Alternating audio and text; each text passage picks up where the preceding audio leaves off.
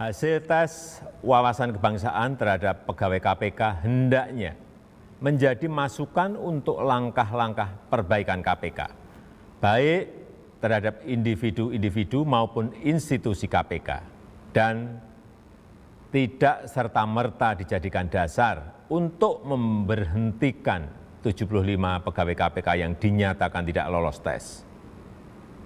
Kalau dianggap ada kekurangan, saya berpendapat masih ada peluang untuk memperbaiki melalui pendidikan kedinasan tentang wawasan kebangsaan dan perlu segera dilakukan langkah-langkah perbaikan pada level individual maupun organisasi.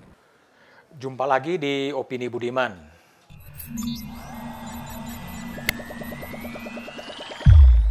Keretakan di tubuh KPK belum juga pulih. Kendati Presiden Jokowi telah menyatakan sikap politiknya.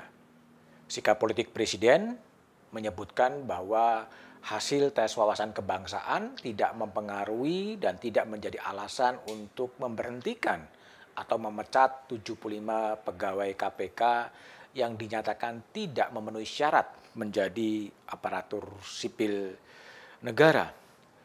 Publik membaca bahwa keretakan terjadi di dalam tubuh KPK.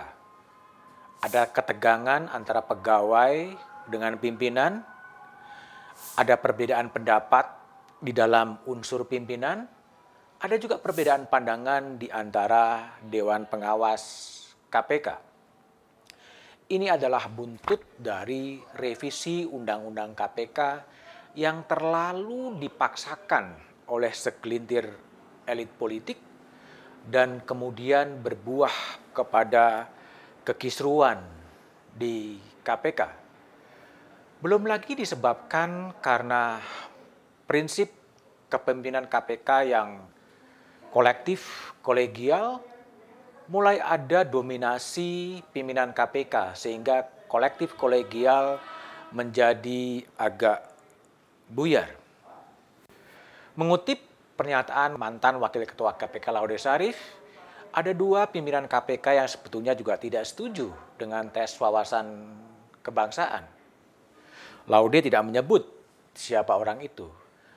Di Dewan Pengawas hanya Samsudin Haris yang berani menyatakan secara terbuka bahwa tes wawasan kebangsaan itu bermasalah. Empat anggota Dewas yang lain memilih diam Malah Indrianto Senoaji mengamini bahwa upaya pimpinan KPK menonaktifkan atau meminta pegawai yang tidak lulus menyerahkan tugasnya ke atasan sebagai langkah yang yuridis. Di level masyarakat juga terjadi polarisasi. Satu pihak mengatakan bahwa KPK telah disusupi kelompok-kelompok dengan ideologi radikal, orang menyebutnya kelompok-kelompok Taliban. Tapi pada sisi lain, hasil tes wawasan kebangsaan menunjukkan ada juga pegawai-pegawai KPK yang non-muslim yang juga kemudian tidak lulus dalam tes wawasan kebangsaan. Narasi lain yang berkembang adalah upaya revisi Undang-Undang KPK dan kemudian adalah upaya tes wawasan kebangsaan adalah upaya untuk menyingkirkan kelompok-kelompok pegawai KPK yang sedang menangani kasus-kasus besar. Sayang memang Mahkamah Konstitusi lebih memilih memain aman dan mengamini revisi Undang-Undang KPK. Hanya MK memang menyuarakan agar 75 pegawai KPK yang dinyatakan tidak lulus tidak boleh kemudian diambil langkah yang merugikan mereka. Pertimbangan MK inilah yang kemudian disuarakan oleh Presiden. Meskipun pernyataan politik presiden kemudian juga menimbulkan kontroversi, menimbulkan kritik juga terhadap presiden diperbandingkan antara pegawai KPK dengan aparatur sipil negara. Kisruh dalam KPK paling tidak memberikan gambaran bahwa kisruh ini akibat dari revisi Undang-Undang KPK yang diinisiasi oleh partai politik dan unsur pemerintah yang termakan dengan narasi-narasi yang disampaikan bahwa KPK telah dimasuki oleh kelompok-kelompok radikal. Meskipun Presiden sendiri tidak menandatangani Undang-Undang KPK. Yang kedua, kisruh KPK menandakan ketidakjelasan proses pengambilan kebijakan publik di dalam tubuh KPK, Badan Kepegawaian Negara dan Kementerian Reformasi Birokrasi. Kisruh itu kemudian membuka luka, membuka luka antara pegawai dan pimpinan, dan itu berpeluang dan berpotensi melemahkan agenda pemberantasan korupsi. Yang menarik, kisruh dalam KPK justru tidak memunculkan suara sama sekali di kalangan partai politik dan DPR. Mereka memilih diam, seribu bahasa, entah apa yang kemudian dipikirkan. Lalu bagaimana jalan keluar yang dibayangkan untuk segera menghentikan kisruh dalam tubuh KPK? Rasa-rasanya perlu ada semacam tim independen, tim yang beranggotakan tokoh-tokoh yang kredibel, tokoh-tokoh yang dipercaya, tokoh-tokoh yang punya wibawa, untuk kemudian melakukan audit, menemukan fakta-fakta apa yang terjadi di KPK dan kemudian memberikan rekomendasi kepada kepala negara bagaimana masalah KPK itu kemudian diselesaikan.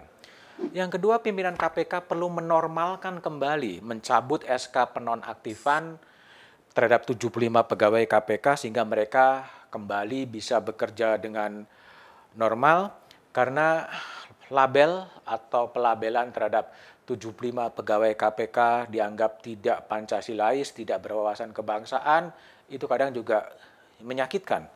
Para pegawai KPK juga perlu menahan diri, tidak terlalu banyak mengumbar hasil-hasil penyelidikan yang belum pasti, ya, misalnya kerugian negara mencapai 100 triliun dan lain sebagainya, yang itu hanya memperkeruh situasi politik.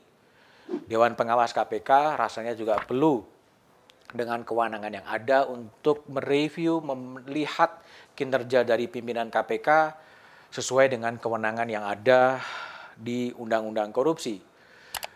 Korupsi adalah musuh utama bangsa ini yang belum berhasil kita menangkan ibarat sebuah peperangan. Kisruh dan perpecahan dalam tubuh KPK hanyalah menyenangkan hati para koruptor, hanya menyenangkan hati calon koruptor yang memang tujuannya ingin mendapatkan kekayaan, mendapatkan keuangan negara secara ilegal. Tapi apa pun yang terjadi tetaplah optimis dan janganlah pernah lelah untuk tetap mencintai Indonesia.